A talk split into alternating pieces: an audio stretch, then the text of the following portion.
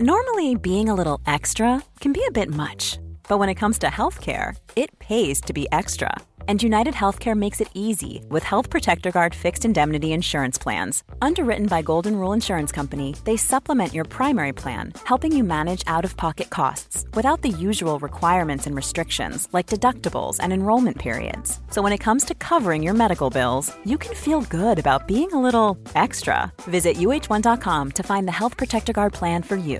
Quality sleep is essential for boosting energy, recovery, and well being. So, take your sleep to the next level with Sleep Number. With a Sleep Number smart bed, you can individualize your comfort level and enjoy a better sleep night after night. JD Power ranks Sleep Number number 1 in customer satisfaction with mattresses purchased in-store. And now the Queen Sleep Number C4 smart bed is only $1,599, a saving of $300 only for a limited time. For JD Power 2023 award information, visit jdpower.com/awards. Only at Sleep Number stores or sleepnumber.com. Every fan knows the right player in the right position can be a game changer. Put LifeLock between your identity and identity thieves to monitor and alert you to threats you could miss. Plus, with a U.S.-based restoration specialist on your team, you won't have to face drained accounts, fraudulent loans, or other losses from identity theft alone all backed by the LifeLock Million Dollar Protection Package. Change the game on identity theft. Save up to 25% your first year at LifeLock.com slash aware.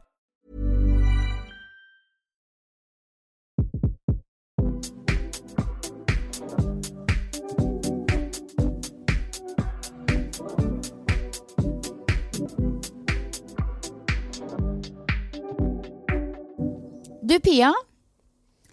I går så fikk jeg en uh, gøyal uh, mail i uh, innboksen. Ok, spennende. Ja, jeg tenkte jeg skulle dele den med deg og åpenbart lytterne, og høre litt hva du tenker. Jeg fikk nemlig mail av det lokale gymmet som jeg er på her. Um, og der sto det i subject New Gym Rules Update. Så tenkte jeg ok, går inn og sjekker. Så står det uh, i denne mailen, kort og enkelt To assist our members that are here to work out, we have now banned the usage of phones. Using a phone between sets is an unnecessary distraction that hinders your own training, and it also infuriates others that want to use the equipment. Sharing the equipment is a fundamental gym etiquette, eh, etiquette and staff will move on uh, those that break the rule. Please don't be offended if we interrupt your scrolling. Altså, En liten del av meg liker det, men en annen del av meg syns at det er litt vel spesielt. Fordi det skulle jeg spørre deg om forrige uke, skjønner du, hvordan det var med filming og sånn på gym, og det var noen som dreiv med det. Men uh, not anymore, i så fall. Nei, altså, jeg har jo lagt merke til at det er altså virkelig merkbart mye mindre bruk av mobil på det gymmet som jeg er på, eh, sammenligna med hjemme. Eh, men det er likevel folk som bruker mobilen, og jeg aner jo ikke hva de bruker den til, men jeg tenker jo det er de samme tinga som vi gjør hjemme. Litt scrolling og sikkert litt sånn treningsapper og litt Spotify og litt diverse. Eh, men eh, ja da, helt nederst i mailen så står det også med store bokstaver You remember you're here to train. Ja, men altså, Eh, ja. altså Altså, jeg, jeg og samtlige andre går jo rundt med telefonen fordi det er der man logger treninga si. Nå er jo du ikke i den gruppa, da. Men eh, jeg går jo rundt og ser ut som jeg scroller og holder på og tekster 24-7, når det eneste jeg egentlig gjør, er å være i økta mi. Hvordan skulle jeg nå trent på Surf Fit Cool Gym? Det hadde jo ikke gått. Nei, jeg vet ikke. Det er, det, er, det er veldig spesielt. Jeg har aldri sett eller hørt om dette her eh, før. Men jeg er jo litt som deg. Jeg synes Det er litt sånn delte tanker om det. Men, men en del av meg liker det. Fordi, ikke sant, hva gjør man med between the sets da? Jo, da prater man jo med de rundt seg istedenfor å scrolle. Så det er jo en del av meg som, som syns det er fint. Men samtidig så er det jo også litt sånn Hvor mye har man egentlig rett til å blande seg opp i hva folk faktisk driver med på et gym, da? Eh, men ja, please don't be offended if we interrupt your scrolling. Jeg skal definitivt ikke ha med meg telefon på gymmet, fordi eh, sånn voksenkjeft, det orker jeg ikke å stå i. Men altså, hva syns eh, altså Kjæresten din er jo åpenbart austral, australsk. Garth, hva syns han om det? Var han sånn Yeah, that's how we roll here in Aussie, I like it? Eller var han Jeg litt har sånn faktisk jeg har, jeg har faktisk ikke fått snakka med han om det. Han har vært på en lang arbeidsdag, og vi har ikke fått snakka om det. Men uh, han er jo i, i, utgangspunktet veldig all for sånne typer regler. Og vi har jo mobilfrie soner i hus, og, uh, liksom, og det er jo på initiativ fra han, så han, han er jeg ganske sikker på at digger dette her. Uh, og det er jo bare snakk om vane, ikke sant. Det, jo, det som er, er at i Norge så Eh, så pleier jeg å låse inn telefonen min i skapet på treningssenteret. Her i Australia så har de ikke lås, og dermed så har jeg faktisk også hatt med meg telefonen ut i gymmet, i gymbagen. Eh, og det det ender opp med, er jo, det la jeg jo merke til i dag, hvor jeg hadde min første mm, session på gymmet hvor jeg faktisk la igjen mobilen hjemme. Eh, jeg la jo da merke til at jeg hadde lyst til å sjekke telefonen ganske ofte. Og spesielt liksom den derre når du kommer fram på gymmet, parkerer sykkelen, digg å flekke opp mobilen og scrolle litt. Når jeg er ferdig på gymmet, rett før jeg skal sette meg på sykkelen skikkelig hjem. Ja, det er, blir jo en sånn teit vane om at du bare sjekker innom, liksom. Og det gjorde jeg jo ikke i dag. Og det likte jeg jo. Jeg gjorde ja. jo det. Ja, Man må være ganske bevisst. Uh, altså jeg prøver å være streng på at jeg, liksom, jeg, bruker bare mobilen til å logge, sette på stoppeklokka og sånne ting. Men jeg skal jo være helt ærlig og si at det blir jo noen lommer der hvor man sjekker mailen, svarer på den telefonen. Men det er også fordi jeg trener i arbeidstida, det som er arbeidstida for mange. Og da tenker jeg at jeg må i hvert fall være litt på og tilgjengelig sånn sett. Så det er pros and cons med alt. Så jeg er absolutt for at man kan legge, til, legge bort telefonen og liksom ikke ha den med på trening, men at et treningssenter griper inn på den måten der det mm, Jeg lurer på åssen det hadde falt uh, Altså blitt tatt imot i Norge. Vi fikk jo ramaskrik når Sats sa at det ikke var lov til å trene i bare sportstopp. Så dette her hadde vært sånn det hadde, det hadde vært artig å følge med på. Ah, ja. Men jeg kan jo også se for meg at det er en del uh, Si at man har liksom ett apparat da, som er superpopulært, og så, og så er det noen som liksom venter på dette apparatet, og så ser man en person som liksom står ved siden av det og henger og scroller i fem minutter mellom setta. Jeg skjønner jo også at det er provoserende. 100% Og da kan the person interfere. Da kan han kameraten komme og si 'excuse me, you have to move', liksom. Move men, uh, men, så lenge du ser at en person er påskrudd, jobber, logger, så tenker jeg at det skal være innafor. Men det kan jo hende at det er sånn, da, at de følger litt med, med, på det. Og jeg tenker at bare det å få en sånn mail som medlem gjør at man blir mye mer bevisst på eventuell scrolling. 100% Ja, jeg tenkte jeg bare måtte si det til deg når denne e-posten ramla i innboksen min i går. Og så Apropos alt det vi snakka om sist uke, om australske trender og ulike tendenser på gymmet. Det var jo to major things som jeg glemte å nevne sist uke. Og det var sånn, Med en gang vi skrudde av opptakeren, så var jeg sånn Å nei!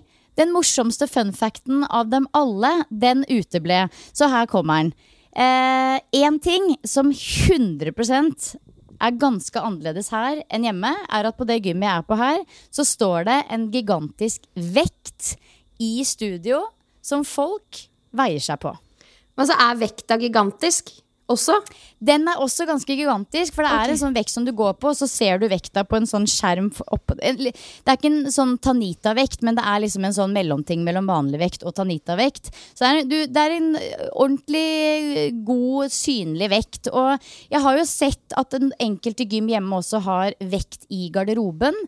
Eh, der man liksom diskré kan sjekke innom vekta, på en måte. Men nei, den står midt i studio, og det jeg også har vært vitne til er at gutta boys, som gjerne pumper litt ekstra, de går på den vekta og gir hverandre applaus. Sånn yeah! Oh, that's awesome, bro! Sånn. Altså, Det er så gøy. En del av meg syns det er litt gøy, fordi det er litt sånn community og man heier på hverandre. Men mesteparten av meg syns bare det er jævlig funny. Men det kan jo hende at det er litt sånn på f.eks. Hvis du hadde til Haralds gym da, i Oslo, hvor det er sånn bodybuilding environment, kanskje det er litt sånn der òg. Men jeg har litt vondt for å se det for meg. Ja, og eh, den aller siste tingen før vi virkelig skal runde av den delen her, det er nok en eh, liten fun fact som jeg heller aldri har lagt merke til hjemme. Det er at det står eh, deodorant på gymmet. Altså der hvor du på en måte er eh, eh, Der hvor du henter papir og spray for å vaske over apparatene. Der står det også en rosa deodorant, spraydeodorant og en blå deodorant. Og det her er litt sånn i mine øyne så er dette her litt sånn Det er litt sånn privat at du tar på deg deodorant i garderoben, liksom. Men nei, det er sånn at folk gjerne går bort dit på veien ut, for da skal de sikkert videre på jobb eller skole. Sprayer litt under armene og beveger seg videre, liksom. Eh, og det også er for meg litt sånn It's a new thing. Ja, det er vel fordi at det her med kroppslukt og svette er liksom enda mer markant eller til stede som et issue i Australia, bare fordi det er varmt oftere. Jeg vet ikke. Ja, ja jeg syns det er gøy. Det er gøy å observere nye ting. Ja, det der var eh, Altså, Silje gikk litt i kjelleren for at hun glemte det sist. Jeg hadde det på lista mi her at jeg skulle spørre deg om det. Um, de to Ja. trendene. Og så vil jeg også spørre Ja. deg, herregud, hva gjorde du på årets viktigste dag, Valentine's Day? Åh, vet du hva? Vi gjorde Hva gjorde vi, liksom? Det er bare en sånn dag som vi aldri feirer, egentlig. Jeg hadde noen gruppetimer på verandaen her. Eh, jeg spiste en kald middag et par timer etter de andre fordi de spiste før. Oh, deilig. Det var Jeg satt der i svett treningstøy og spiste noen kalde grønnsaker og noe ris og noe greier. Og Nei, det var i grunnen ikke det helt store. La meg kvart over ni, leste en halv side og sovna, liksom. Det var vel i grunnen det. Hva med deg? Mm, nydelig.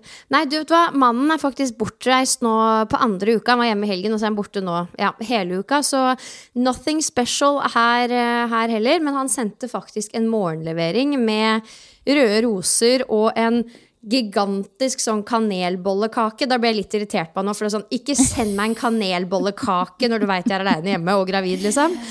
Eh, så det måtte jeg bare Jeg måtte fryse ned halve, og så spiste jeg akkurat litt for mye den sjøl. Og så fikk Sylvester litt, og så var den borte. Men det var en veldig hyggelig gest, da. Men vi er heller ikke noe sånn super romantic eh, Jeg ikke hadde ikke noen forventninger, for å si det sånn. Nei, men det var jo veldig omtenksomt, da. Det var, Det jo det. fint. Selv om selvfølgelig det hadde jo sikkert holdt med én kanelbolle og ikke en kanelbollekake, men det er tanken som, ten som teller. Ja, det er sånn Jeg ber han stadig om hjelp til liksom hjelpe meg til ikke spise for mye. Hjelpe meg til ikke å gå overboard on the candy. Bare fordi at jeg straffes ekstra hardt nå som jeg har noe i magen fra før også. Så um, ja. Nei, men tanken var god, og den var jo jækla god, da. Det skal han jo ha. Ja, altså, skal, Vi skal ikke snakke i evigheter om graviditet, men jeg er jo igjen nysgjerrig. For har du det sånn nå eh, på det stadiet du er i, at du blir veldig fort mett? Ja, jeg gjør jo det.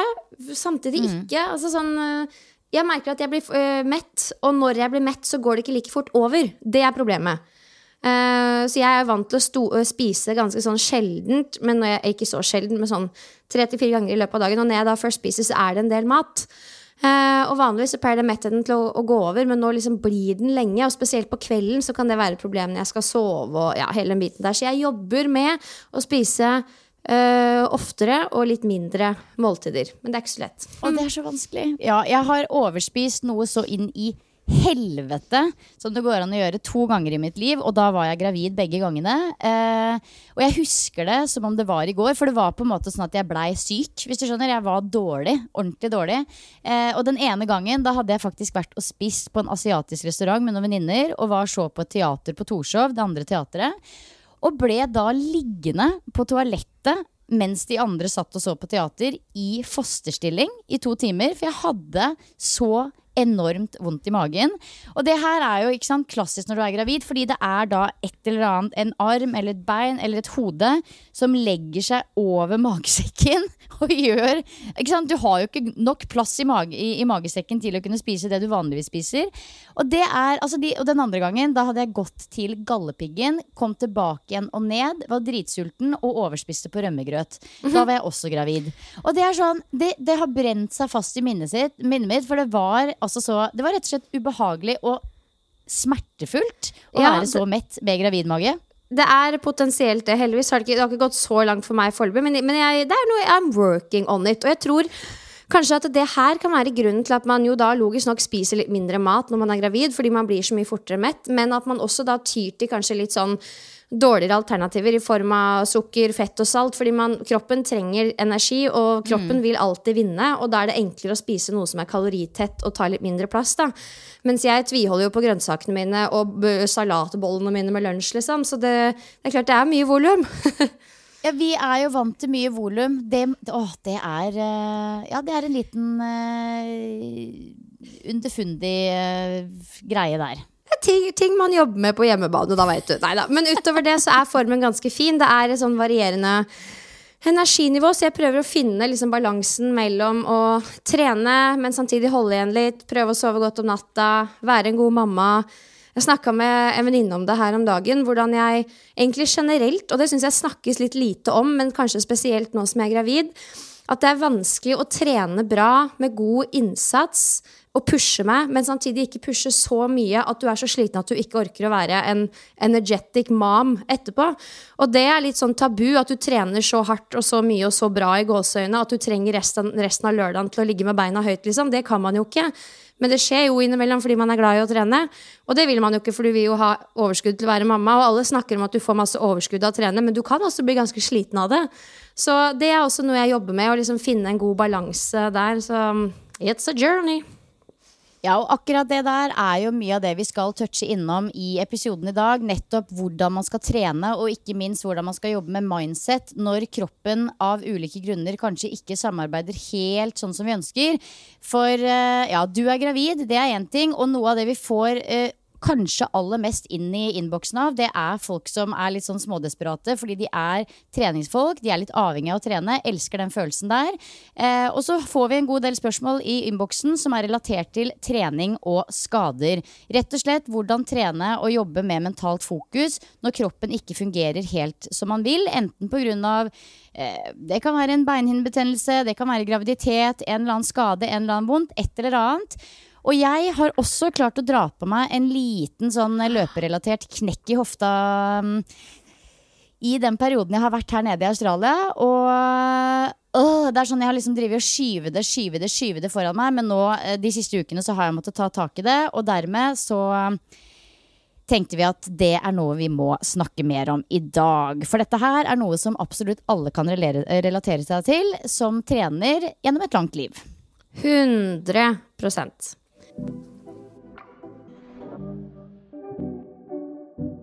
Ok, vi begynner med begynnelsen. Fortell om hofta di, Silje. What's up? Jeg er jo vant til at du er uh, Super-Silje skadefri, så dette er juicy information.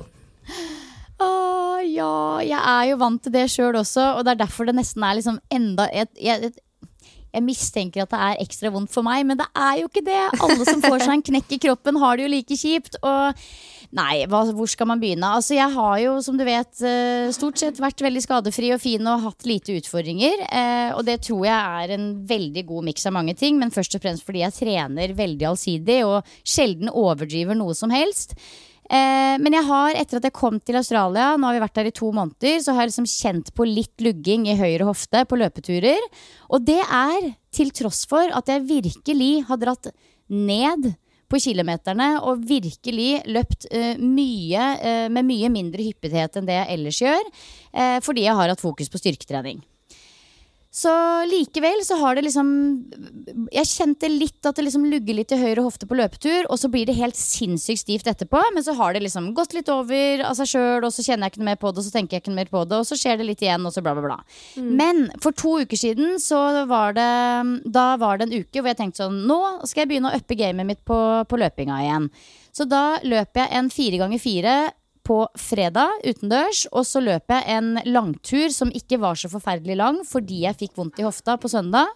Eh, så jeg valgte å bryte den økta litt raskere enn jeg hadde tenkt. Og utover dagen da så bare blei det så stivt at jeg nesten ikke klarte å gå i trapper. Og jeg så ut som en dame på 95 liksom når jeg vagga meg bortover. Og dette her vedvarte i mange dager. Og da mm. fikk jo jeg helt sånn panikkangst for ikke sant? hva skjer hvis jeg ikke kan løpe, og hva skjer hvis dette blir en vondt jeg går rundt med hele tiden og hver dag og i all mulig annen trening og livredd for både yoga, styrke og, og, og løping og alt som er. Det påvirker mye. Eh, så da var det selvfølgelig å booke time hos osteopat og hvile og alt dette her. Tok en sånn liten testtur på flatt eh, underlag søndag, hvor jeg bare småjogga på fire kilometer. Fikk litt vondt da også. Eh, og så har jeg jo vært hos en uh, veldig flink osteopat nå, en god kompis av Garth som vi kjenner her nede, og tatt en titt på meg. Og det er jo ikke noe sånn Det ser ikke ut som det er noen sånn alvorlige skader, på en måte, men det er sannsynligvis det at jeg løper på veldig liksom det samme, veldig flate underlaget hjemme. Jeg er jo på Fornebu, der er det paddeflatt, ingen bakker. Her hvor vi bor nå, i Lennox, så er det veldig mye up and downs. Det er litt sånn der mini-San Francisco. Det er opp og ned hele tiden. Og jeg tror ikke det er nødvendigvis oppoverbakkene som har gjort det, jeg tror det er nedoverbakkene. Eh, og jeg har eh, også eh, funnet ut at jeg har Jeg har jo veldig god åpning i hofta i liksom type external rotation, altså den klassiske pigeon pose-posisjonen. Det gjør jeg jo mye i yoga. Men den motsatte veien, vet du. Internal rotation. Det er litt sånn nerdespråk, men det å liksom vri foten andre veien, hvis det gir mening for folk, der har jeg veldig dårlig bevegelighet. Mm. Og det ble veldig tydelig eh, når jeg var på, på klinikken der. Så nå skal jeg nummer én uh, finne noen flate områder og bare liksom prøve meg litt frem på løpinga. Og nummer to jobbe med mer mobilitet i den bevegelsen. Men det er jo fryktelig kjedelig. Det er sånn bare disse to ukene nå, liksom. Det å liksom for meg, også, Jeg er jo veldig gira på å bevare kondisjonsformen, på en måte. Og det får jeg jo på en måte ikke gjort nå, hvor det bare blir sånn smålabbing og testing. Det å sitte på en spinningsykkel, det er jo døden. Det å gå i trappemaskin, dritkjedelig. Jeg kan gjøre det et kvarter, liksom. Men det å liksom Nei. Så jeg kjenner at uh, dette her har vært en skikkelig sånn mental knekk for min del. Altså, det har gått mye mer utover psyken enn det jeg faktisk uh, trodde det kom til å gjøre. Jøss. altså, jeg, dette er åpenbart veldig kjedelig å høre, men også fascinerende. fordi det er jo når man er vant til å være skadefri og plutselig får seg en sånn knekk, så ja, man, man opplever jo følelsesspekter som man ikke har vært borti tidligere. Og man blir gjerne litt tatt på senga over hvor sjukt irriterende det er å ha en sånn vondt som setter eller stikker kjepper i hjula for det man vanligvis gjør. Og da får man en forståelse for hvorfor det eneste trening for noen handler om, er å liksom holde seg skadefri og fri for vondter. Jeg vet, og det er jo akkurat det at når vi får disse meldingene i innboksen, så er det jo veldig ofte ganske sånn Dette er meg og mitt problem, og det blir litt for smalt å ta opp i treningspodden. Men når det gjelder liksom det å få seg en knekk, sånn at man må endre, gjøre om eller pause treningsopplegget sitt, der tror jeg veldig mange kan eh, relatere. Og det kan oppleves som en skikkelig nedtur og en eh, ganske sånn mental trøkk for folk som er vant til å leve livet sitt på en viss måte, da. Så, og jeg har jo nå, ikke sant Jeg er jo inne i en eh, styrkeperiode nå, men om fire uker så er jo egentlig planen at jeg skal begynne mer med løpetrening, melde meg på noen løp her i Australia. Det er liksom ting jeg har sett veldig frem mot, og nå ser jeg litt sånn at i, det er ikke sikkert at det skjer, fordi ja. Ja, Men det skal jo også sies da at når vi opplever en vondt, spesielt vi som lever av kroppen vår, vi leverer av å levere trening, så går vi fort i liksom krisemodus og tenker at ei, fuck, nå er alt ødelagt og dette kommer ikke til å gå over. Eh, men ofte så trengs det jo bare litt sånn hensyn, litt eh, rehab og prehab og litt tid, så vil det gradvis gå over. Eh, når man har gitt fullstendig beng, kroppen sier ifra, og så begynner man å ta masse hensyn, så er det jo store sannsynligheter for at en ganske godt uh, trent kropp sånn som din klarer å løse det på en god måte. Absolutt. Og det var jo det osteopaten også han sa. Altså Jeg var jo nesten litt sånn gråtkvalt. Sånn Maybe I can't run in Australia? Question mark. Og han var sånn eh, yeah, you, you just look at this as you know a solid round of flu for now, and then you know this is probably something that's gonna pass. Men det er jo litt sånn, man kan jo ikke bare liksom sette i gang på samme måte som man har gjort, for da er man jo Da er det jo fort gjort å dra på seg enda mer vondt. Så det er jo litt sånn step by step, men det er en omstilling. da, Det er det det er. Og så må man jo være helt rå på, og det gjelder, eh, det gjelder jo alle som på en eller annen måte må gjøre om livet sitt på en eller annen stor eller liten måte. Det handler jo rett og slett om mindset. Og jeg tenkte på det da jeg var ute i surfen på fredag, så var jeg sånn Kanskje det er meninga at jeg ikke skal løpe i Australia fordi jeg skal bruke tiden min på noe annet. F.eks. her ute i, i, i vannet. ikke sant? Og da var det plutselig en sånn Det er jo faktisk en mulighet. Så man må på en måte åpne opp horisonten sin litt. Det er sånn jeg tror det er helt naturlig å gå inn i en sånn liten sånn miniuke med litt sånn mørke tanker. Sånn øh, nå er det Litt sånn alt eller ingenting-tankegang. Men så må man ut der og se på mulighetene og, og åpne opp i horisonten. For du hadde jo også en runde med ganske lang periode med vondt i nakken. Hvordan har det gått egentlig, Pia? Ja, stemmer det. Uh, ja, det holdt på lenge, og det har jo ordna seg, det. Uh, og det, var, det er vanskelig å peke på én ting som var grunnen til at det ordna seg. Men eh, det, jeg prøvde liksom massasje, jeg fikk nåler, alt mulig. Før jeg til slutt var sånn Ok, nå må jeg prøve å i enda større grad forstå hvorfor dette her skjer. Så da gikk jeg til en eh, var det en fysioterapeut eller kiropraktor, jeg vet da søren, og var litt sånn jeg vil at du skal være med meg på treningssenteret, og så skal du se hvordan kroppen min oppfører seg når jeg gjør disse bevegelsene. Og så skal du bekrefte eller avkrefte om mine teorier stemmer. For etter hvert så begynner man å bli ganske sånn eh, bevisst på hva man tror det er som gjør det. Og selvfølgelig, det var jo en kombinasjon av mange ting. Dårlig søvn, kanskje litt stressa, arbeidsposisjon. Men i all hovedsak så var det på en måte måten nakken og skuldrene mine oppførte seg når jeg gjorde pulls, pullups pull-ups og chin-ups. Og liksom dermed også den posisjonen jeg tok med meg inn i hverdagen.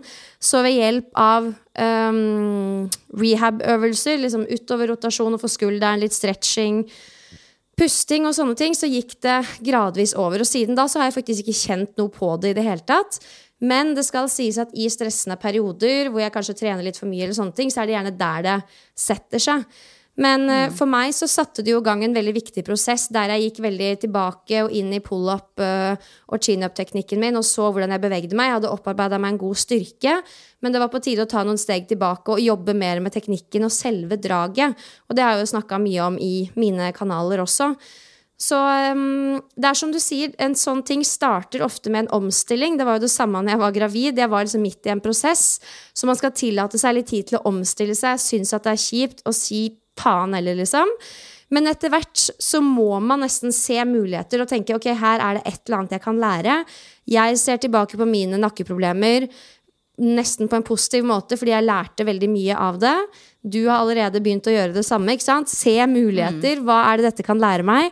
Og det er liksom det eneste alternativet du har. For det andre du eh, gjør, er på en måte bare å gå og være bitter over alt du ikke får gjort. Og det tar deg på en måte ikke noe sted. Man skjønner jo at det er dritkjipt, men det er, eh, det er realiteten. Da, fordi altså, kroppen bestemmer. Den vil alltid bestemme. Så hvis du kjenner at noe lugger, så er du tjent med å lytte til det, framfor å tenke at nei, jeg bare pusher på. For det er veldig sjeldent at det lønner seg, da. Eh, mm. Føler du at du kunne gjort noe eh, tidligere for å unngå at det gikk så langt i gåseøynene? Um du gjør liksom så mye ja riktig fra før med yogaen og sånn. Ja. Jeg har jo på en måte lurt på i en fem-seks uker nå hva er den lugginga i hofta. Men så tenker man liksom det går nok over av seg selv, for det gjør jo ofte ting også. Eh, men jeg tror kanskje det var litt um, Det var nok litt for tette økter. Altså fra å liksom gå fra å løpe bare litt sånn ut på tur, eh, kosetrening, til å liksom ok, nå skal jeg trene en eh, hard intervall på fredag, og så skal jeg på langtur søndag. Bare én dag hvile imellom. Det, der burde jeg kanskje mm, vært smartere. På en måte, mm. i å, å, planlegge den eh, uka med trening. Men samtidig så er jo det noe kroppen min har tålt helt fint i mange år. Eh, så derfor så har jeg ikke tenkt så mye over det. Men jeg tror Ja, det er rett og slett litt sånn litt sånn som du sier, se på, se på andre alternative løsninger. Ta i bruk denne circle of control, som jeg snakka om litt tidligere i treningspoden også. Hva er det jeg har kontroll over, hva er det jeg ikke har kontroll over? Og prøve også liksom akseptere litt det man ikke får endra. Um, ehm, og jeg tenker litt igjen, er det hell i uhell? Er det noe annet her som jeg kan bruke tida mi på? Den tiden jeg vanligvis bruker på løping, er det noe annet hyggelig, morsomt og helserelatert jeg heller kan dytte inn i kalenderen min, på en måte? Eh, jeg er jo veldig glad i løpinga også fordi at det er en sånn type treningsform som på en måte gjør at jeg får trent uansett hvor jeg er. Og jeg tror det er derfor jeg syns det er ekstra surt og bittert. For det er litt sånn Ok, vi skal på påskeferie dit. Det går fint, for jeg kan løpe. Ok, vi skal en helg og besøke de familien som bor der. Det går fint, for jeg kan løpe. Altså Det er på en måte alltid bare å ta med løpeskoa, så får du deg en økt uten at det er noe mer eh, klabb og babb enn det, da. Og derfor så er det en litt sånn derre Det er litt sånn sorg å tenke sånn Men tenk om jeg mister det? Men jeg gjør jo ikke det. Det er jo å tenke katastrofetanker med en gang. Um, men ja. Det er, eh, det er, jo noe som de aller fleste står oppi, om det skulle gjelde en skade eller en graviditet eller uh, something else. 100% altså Med graviditet så er det jo litt sånn man tenker at uh, man har ikke lov til å sippe over det, fordi det er bare sånn det er, og man skal være takknemlig for å være gravid, og det er man jo. Men det er jo dritt å måtte eh, akseptere at formen går nedover, og at du må kontinuerlig gjøre justeringer som gjør at du trener eh, lettere, på en måte. Da. Det handler om å forhindre forfallet, holdt jeg på å si. Um, så for mm. min del, altså for min del nå så eh, har jeg liksom da bestemt meg for at ok, jeg skal være god på roing så lenge jeg kan gjøre det. Kjører intervallene mine på romaskin. Pga. bekkenet så er liksom løping noe av det første som uh, har utgått for min del. Um, og det å gå til og fra steder, som jeg gjør masse av bare for den generelle hverdagsaktiviteten, det utgår. Spesielt når det er liksom helt Bambi på isen-forhold utafor. Så jeg må kjøre nesten overalt. Så da må jeg heller da gå litt ekstra på ellipsemaskin, se på muligheten for å få en ellipsemaskin hjem her. Og noen vil jo tenke at herregud, er ikke det litt ekstremt? Men alternativet er på en måte at man gir opp det man er veldig glad i, da, den generelle bevegelsen og aktiviteten. Så um, det er god trening i å se muligheter og liksom nesten legge litt cred i det å tenke at ok, denne utfordringen skal jeg løse på best mulig måte. Og jeg snakker veldig mye med medlemmer i Sterkere om dette her, fordi de følger et program, og når du følger et program og har investert i det, så kan det oppleves veldig stressende hvis du ikke får gjort det som er i programmet. Men det er så viktig å huske på at et program er jo bare et forslag til deg for å få deg i bedre form, og så er det alltid kroppen som til slutt bestemmer hva som er riktig og ikke. Så det er så viktig å følge det den sier i forhold til preferanser, men også eventuelle skader og begrensninger som den setter på veien. Og treninga skal aldri liksom ta noe fra deg på den måten at det gjør deg dårligere eller gir deg mer vondter eller skader. Med mindre du er toppidrettsutøver, da må du jo ofre en del. Men vi vanlige folk skal ikke trenge det, da. Men noen ganger så må man dessverre learn the hard way, fordi det er så naturlig å mm. bare pushe på og tenke at ja, dette går over. Men um, ja, learning by doing. Man gjør jo lurt i å lytte litt før. Og et av mine beste tips basert på det jeg sa i stad, er å virkelig sette deg inn i ok, hvorfor skjer dette her. Ikke bare lene deg tilbake og gå til behandling en gang i uka, men forstå hva er grunnen til at disse plagene kommer? Er det noe på hjemmebane? Er det psykisk og mentalt? Er det fysisk? Er det måten jeg trener på? Du er nødt til å gå inn og ta litt ansvar, fordi en behandler du ser en gang i uka, kan ikke alltid gi deg den hele og fulle løsninga. Så de som tar litt ansvar for egen situasjon og setter seg litt i førersetet når sånne ting skjer også, enten det er graviditet eller en skade eller gudene veit hva, de opplever jeg også at ofte kommer bedre ut av det, da. Ja. Ja, For min del så har det også vært en god erfaring, bare de få øktene jeg nå har hatt med å prøve å liksom gjøre alternative ting, som å sette meg på en sykkel, eh, gå i trappemaskina på gymmet. Altså liksom måter å trene kondisjonstrening på som ikke er løping. Hvor vanskelig det faktisk er. Altså, jeg elsker å bli sånn god og løpesliten, og er nok litt avhengig av den derre gode endorfinrusen og den eh, makspulsen som jeg får med løping. Og jeg syns det er utfordrende. Og komme på like høy intensitet ved hjelp av en annen eh, treningsform. Og det er jo kjempegod erfaring i forhold til alle de som ikke er vant til noen treningsform. For det tar faktisk ganske lang tid å bli eh, I og med at trening er såpass spesifikt, så tar det ganske lang tid å bli rutta nok til å kunne trene bra med én type treningsform. Skjønner du litt hva jeg mener?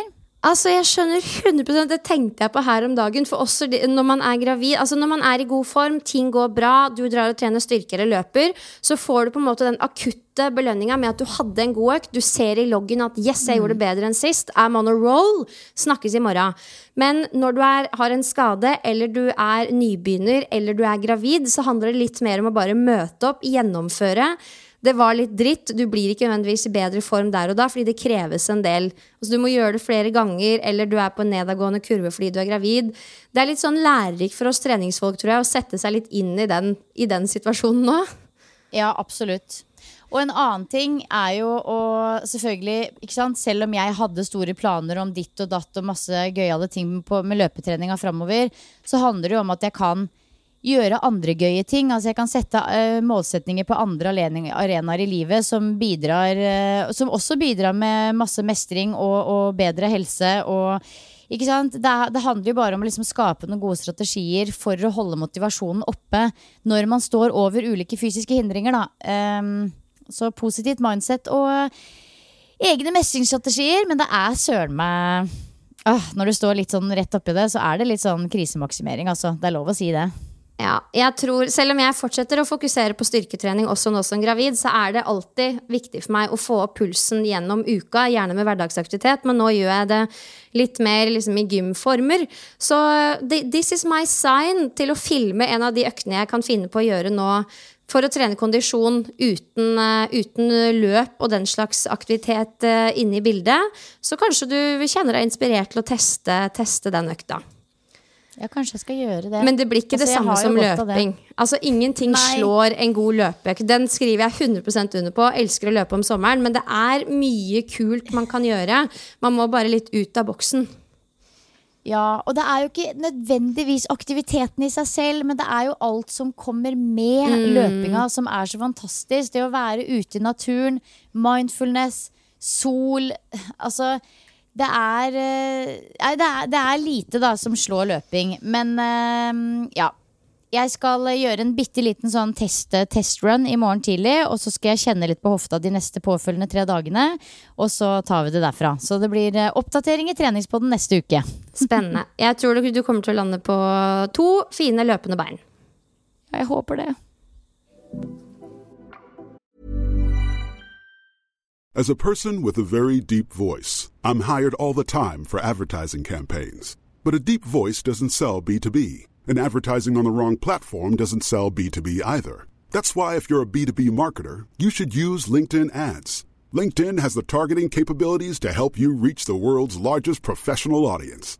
That's right, over 70 million decision makers all in one place. All the big wigs, then medium wigs, also small wigs who are on the path to becoming big wigs. Okay, that's enough about wigs. LinkedIn ads allows you to focus on getting your B2B message to the right people. So, does that mean you should use ads on LinkedIn instead of hiring me, the man with the deepest voice in the world? Yes. Yes, it does. Get started today and see why LinkedIn is the place to be to be. We'll even give you a $100 credit on your next campaign. Go to linkedin.com slash results to claim your credit. That's linkedin.com slash results. Terms and conditions apply.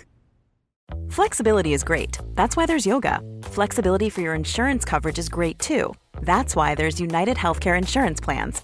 Underwritten by Golden Rule Insurance Company, United Healthcare Insurance Plans offer flexible, budget friendly coverage for medical, vision, dental, and more.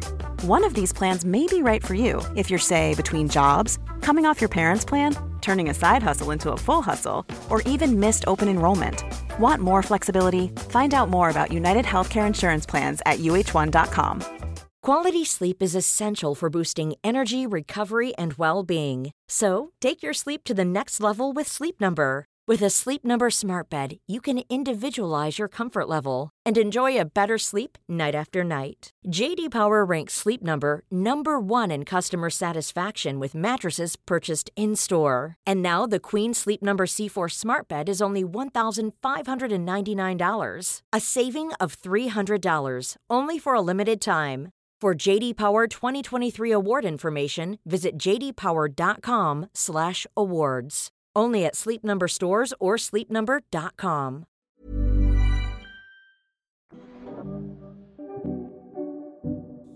All right, Pia. Hva har boosta deg den siste uka? Du, Ukas boost for meg var faktisk at jeg fikk endelig testa en sånn ekte, real Hyrox-økt. For vi på Adrenalin vi fikk jo besøk av Hyrox Nordic. De kom til oss fra Sverige. Jonna fra Sverige og Antonia, eh, som for øvrig er eh, CrossFit athlete, and she's going to compete. Så dette er ikke noe tull. Eh, nei da, så De kom og kjørte en Hyrox-økt med oss, og det var superkult. å virkelig nå få smake på et konsept som ja, jeg og vi har vært litt uh, nysgjerrig på. Og det er jo som jeg trodde, det er en mye mildere form for crossfit, der øvelsen er enklere. Det er litt høyere intensitet, langt mer endurance. Eh, holdt på å si perfekt for deg som ikke kan løpe akkurat nå, men det er jo en del løp innimellom der. Så sånn sett er det ikke optimalt. Men det var bare sånn Vi kjørte en økt i lag på tre, rullerte rundt på forskjellige stasjoner. Man finner ikke opp kruttet på nytt, men jeg tror det som kan være litt av magien med High Rocks, er at High Rocks er jo opprinnelig et event. Det er ikke en treningsform, det er et event, litt sånn som et maraton. Jeg drar til København og løper et maraton, så er Hyrox jeg drar til København og gjør et Hyrox-event. Og da er det ikke sånn at du skal måtte trene masse til det. Det er heller sånn at en gjeng fra et treningssenter skal kunne dra og gjennomføre et event. Eh, og det er ingen krav til at du må kunne det og det. Alle skal få lov til å delta. Og så vil du selvfølgelig alltid ha de som er superruta og er Hyrox-atleter. Men alle skal kunne være med og på den måten få en opplevelse. Og så har jo da den treninga som vi fikk teste på senteret, sprunget ut ifra dette. Eh, Så nå har de starta opp med programmering for treningssenteret, som er det vi snuser litt på. Men så Hyrox er egentlig litt mer sånn endurance, utholdenhetsbasert crossfit-trening med langt mindre tekniske øvelser. Fokus på at alle skal kunne være med, og at man samtidig har noe målbart, fordi man ønsker å eh, behandle også vanlige folk som atleter. Og den tankegangen liker jeg også veldig godt. Så det er liksom klassisk, tradisjonell, kall det sirkel, crossfit-inspirert trening, men med litt mer mening. Du har et felles mål, og du veit litt hva du trener på, hva du ønsker å bli bedre på. Og det tror jeg kan være litt av liksom koden her som gjør at det potensielt blir en suksess også i Norge, da. Åh, Veldig spennende. Ja, jeg har også på to do-lista mi å besøke et Hyrox-gym. Skulle egentlig i morgen, men det er nå Det utgår eh, på grunn av masse greier. Men neste uke så tror jeg it's about to happen. Herregud, spennende. Så det, det var en boost. Det var gøy å være i en gruppetreningssetting igjen og bare være på team og gønne på, selv om jeg var ikke den raskeste. Um, jeg var jo på lag med Magnus Midtbø, og vi tok sånne burpee bro jump, vet du, hvor du går ned en burpee, og så skal du hoppe framover istedenfor opp. Og jeg kødder ikke. Altså Magnus Midtbø, for de som ikke vet, han er jo en klatrer med YouTube-kanal og ja. Åpenbart i ganske god form, da, for han trivdes liksom bedre i lufta enn han gjorde på bakken. Han bare fløy bortover. Så kom dundra på 100 etter og hang i stroppen så godt jeg kunne. Så dere to, dere var på lag. Ja, det var meg og han, og så Thomas og Jørgine, da, som jeg har trent med på crossfiten før. Vi, ja, det var egentlig lag på tre, men vi ble fire. Så det var en god gjeng, og jeg fikk jo da virkelig oppleve svart på hvitt at eh, du kan være med, jobbe i et lag, selv om formen er ulik. For dette var tre topptrente mennesker. Jeg er også i ganske god form, men måtte ta litt hensyn, og det gikk helt fint. Ja, Nei, men så bra. Vet du hva, Dette her blir veldig spennende å følge. Jeg skal dele mer når jeg har uh, fått min uh, opplevelse med High Rocks. Og så gleder jeg meg jo enda mer til å komme hjem til Norge og teste hos dere. Fordi eh, jeg har skikkelig troa på det. Ja, nå tror jeg kanskje vi velger å gå videre med det. Vi, skal, vi er i samme, ja, Stay tuned. Eh, men hva har vært din boost eh, siden sist?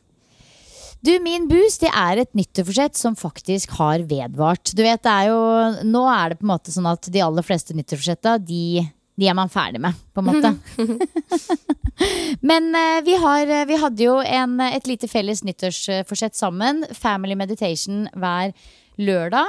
Eh, og den er still going strong, og det blir liksom mer og mer sånn at folk digger det. Nå er det sånn oh, i morgen er det family meditation. Og vi starta da opp med januarmeditasjon hver, hver lørdag i fire minutter. Nå i februar så har vi gått opp til fem minutter. I mars så skal vi gå opp til seks minutter, osv. Og det har bare vært en så utrolig hyggelig fin ting å gjøre. At vi gjør det litt sånn religiøst enten før eller etter frokost. Setter oss på verandaen, rigger oss til med puter, sitter i en liten sirkel og rett og slett mediterer.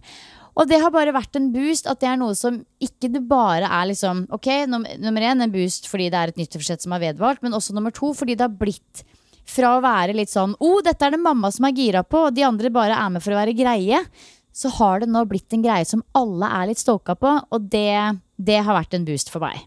Det skjønner jeg så godt. Men er det sånn da, ok, alle setter seg en ring, og så setter du på en klokke, og så er det bare sånn, nå sitter vi her og er stille sammen? Eller mediterer dere på noe? Snakker du folk igjennom det? Eller hva, hva skjer egentlig når dere sitter der i buddha-sykkelen? Jeg har starta opp meditasjonen med at jeg tar dem inn i det. Eh, Litt grann i guiding. Og så, så kanskje ett minutt med guiding, og så resten i stillhet. Og det er eh, stort sett pusten vi har meditert på, men jeg har også sagt at hvis man ønsker å heller eh, meditere og legge oppmerksomheten på andre ting, f.eks. lyden fra fuglene i trærne rundt, så gjør man heller det. Men vi velger oss ut ett objekt, og så prøver vi å legge fokuset på det. Og fire minutter er en veldig sånn fin startup-tid når man skal starte opp. Fire minutter er liksom mer enn nok eh, til å begynne med. Og så kan man etter hvert eh, oppgradere til kanskje fem, seks, ti, tolv. Etter hvert. Herregud. Men er, føler du at uh, er det en aldersgrense på det her? Jeg klarer ikke å se for meg at min sønn klarer å sitte stille og meditere. Han er uh, fire år. Er det, hvis du ser litt tilbake på barna dine i alder, når er det du føler at de var modne og nysgjerrige og åpne for det? Altså, vi gjorde jo litt sånne type ting når vi var ute og reiste. Da var det jo fem og seks, da. Eh, og det, det begynner jo bare med at man må begynne et sted, og så blir man kanskje med på deler av det, og så setter man seg ned og pludrer litt med andre ting og går litt rundt, og så er man tilbake igjen i det. Det er jo Men jeg tror ikke at barn har noe vondt av å øve seg på litt sånn eh, fokusøvelser og, og mindfulness-øvelser fra ganske tidlig av, sånn egentlig. Nei, gud, uten tvil. Det er jo noe av det beste han kunne ha opplevd. Men jeg bare ser for meg at å komme dit og skape en interesse og en nysgjerrighet, at det er vanskelig. Nå kan det hende at jeg bare at jeg skaper hindringer oppi mitt eget hode, men er det noe spesielt altså, kan man gjøre det litt ekstra underholdende og interessant for barn, kanskje? Kan man liksom ja, snakke om noen rosa sjiraffer som flyr, og at de skal tenke på de, eller et eller annet, eller?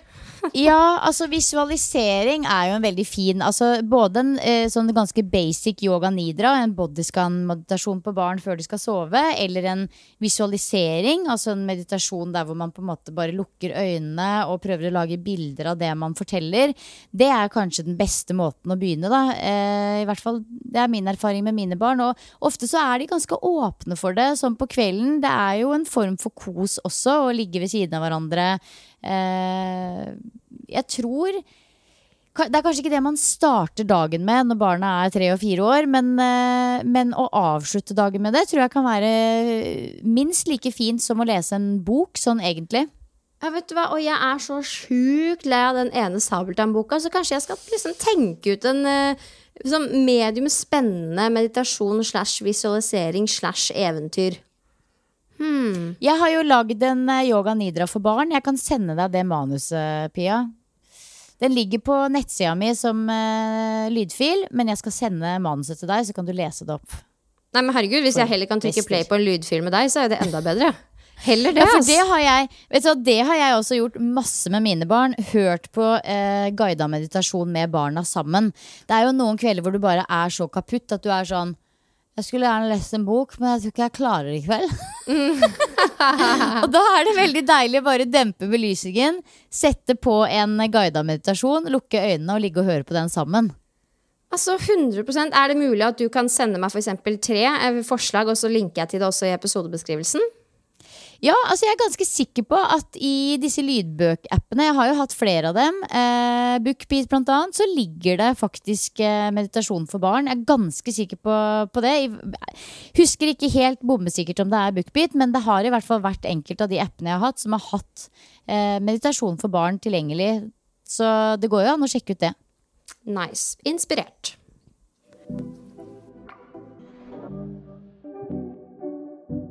Du, Pia eh, sosiale medier og sånn.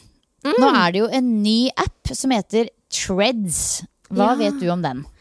Nei, jeg, bare at jeg har sett at det er liksom uh, Twitter Light, eller Twitter Integrated in Instagram, der man kan dele sine utrolige kloke, reflekterte tanker. Og fordi det er en del av Instagram, og de har interesse av å pushe det, så får man en liten boost av det. Og alltid når de kommer med en ny funksjon, så får man også en liten boost. De ønsker at dette skal folk bruke tid på å ja, anvende, da, både som creator, men også som mottaker. Er det jeg vet om det. Ja, for jeg har foreløpig ikke vært inne og titta, og heller ikke laga konto. Jeg vet ikke om en gang man må lage en konto, men er det på en måte mye å hente i trenings, helse, kanskje yoga, mat, den type verden? Eller er det mer politisk? For det, altså Det er jo det som er at Twitter har jo på mange måter vært Jeg har ikke vært på Twitter altså, Nei, det er ikke noe å snakke om engang. Jeg har egentlig aldri vært på Twitter. men, men, men, det har jo på en måte, sånn som jeg har skjønt det, vært litt mer sånn politikk. Litt mer andre type ting, kanskje. Jeg vet ikke om det har vært så stort for treningsprofiler å ytre seg på Twitter som f.eks. Instagram. da Men uh, vet du noe om det? Nei, jeg vet ikke, rett og slett. Jeg har sett at Sølve har brukt det litt, og han pleier å være veldig flink til å hoppe på nye funksjoner. Så jeg lar, lar egentlig han holde på med ting tre-fire ja. måneder, og så spør jeg. Og så tar jeg en vurdering ut ifra det. Hva er det som kom før det her igjen? Det var en sånn derre podkast-type app der man, man ble samla i grupper. Hva het den igjen? Å, herregud. Jeg var jo faktisk på den, vet du. For der var jeg jo med på en del veldig spennende foredrag òg. Hva het den? Og da igjen? var jo folk sånn OK, this is the new shit. Og så plutselig bare ble den helt borte.